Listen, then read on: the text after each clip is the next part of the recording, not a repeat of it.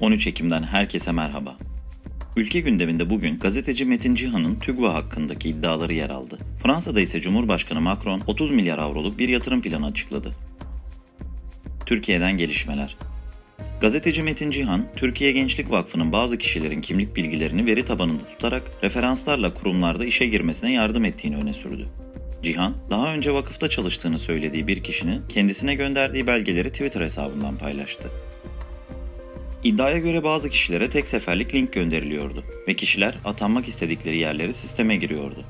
Bunun ardından da bazı vakıf yetkilileri değerlendirme yapıyor, uygun görülen kişiler yukarıya gönderilerek atanıyordu. Cihan'ın paylaştığı diğer ekran görüntülerinde kişilerin kimlik bilgilerinin yanı sıra başvurduğu kurum, yer ve referanslarının bulunması dikkat çekti. 3 listede subay aday listesi, az subay aday listesi ve pöh aday listesi başlığı bulunuyor. Bir diğer listede ise herhangi bir tanım bulunmuyor.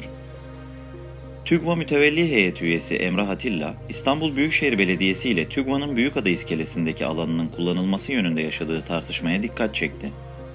Atilla Twitter hesabı üzerinden "Nerede canınızı bu kadar acıttık ki bu kadar bağırıyorsunuz?" demecini verdi.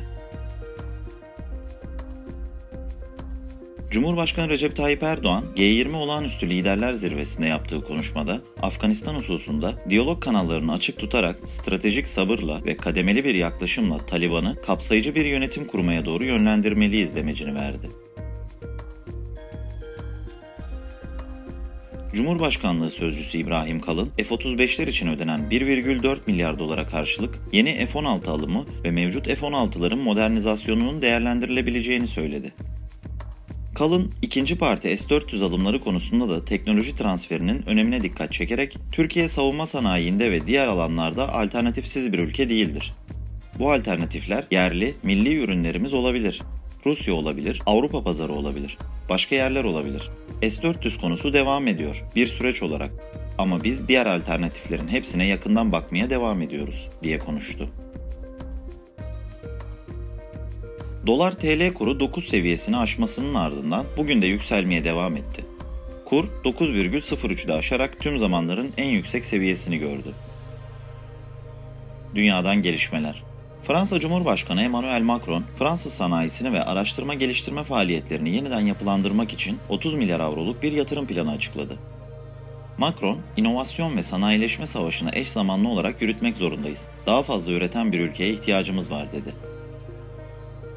Fransa 2030 adlı uzun vadeli yol haritasını açıklayan Macron, Fransa'nın sanayideki geleceğinin inşasında kökleşmiş sanayi devlerinin yanında küçük, esnek çalışma sistemine sahip girişimlere kilit rol düştüğünü kaydetti.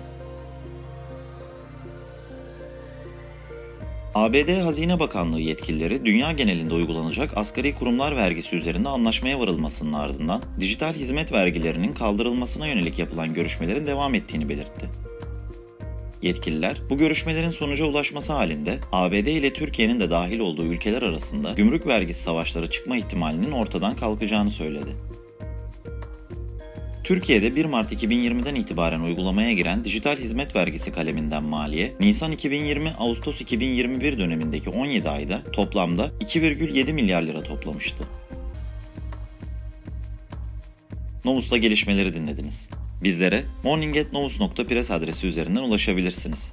Hoşçakalın.